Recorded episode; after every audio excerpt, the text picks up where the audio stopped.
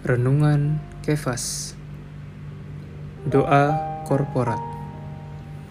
Ayat Alkitab Matius pasal 18 ayat 19 sampai 20 Dan lagi aku berkata kepadamu jika dua orang daripadamu di dunia ini sepakat meminta apa pun juga permintaan mereka itu akan dikabulkan oleh Bapakku yang di surga.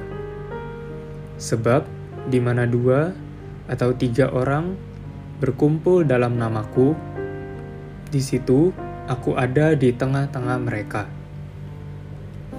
Mereka yang mengikuti Tuhan dengan konstan menyadari perlunya berdoa dengan orang beriman yang lain.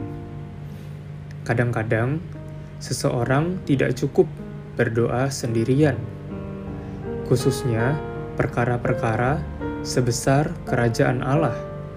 Doa satu-satunya yang berkasiat adalah doa di mana seluruh gereja berdoa dengan sungguh-sungguh. Tuhan berkata, "Rumahku akan disebut rumah doa." Kita bisa melanjutkan dengan frasa rumahnya ialah kita. Fakta dan pengalaman memberitahu kita bahwa ketika kita berkumpul dalam nama Tuhan, akan ada lebih banyak penyertaan Tuhan daripada ketika kita berdoa sendiri. Tuhan berada di tengah-tengah gereja. Dia tidak dapat berada di tengah-tengah individual. Sobat Kefas, kita bisa mencari rekan untuk berdoa bagi kerajaan Allah. Namun, ini bukan berarti kita tidak ada doa pribadi. Kita perlu menjadi anak-anak Allah yang seimbang, bukan hanya mendoakan keperluan pribadi, namun juga memperhatikan keperluan Allah di muka bumi.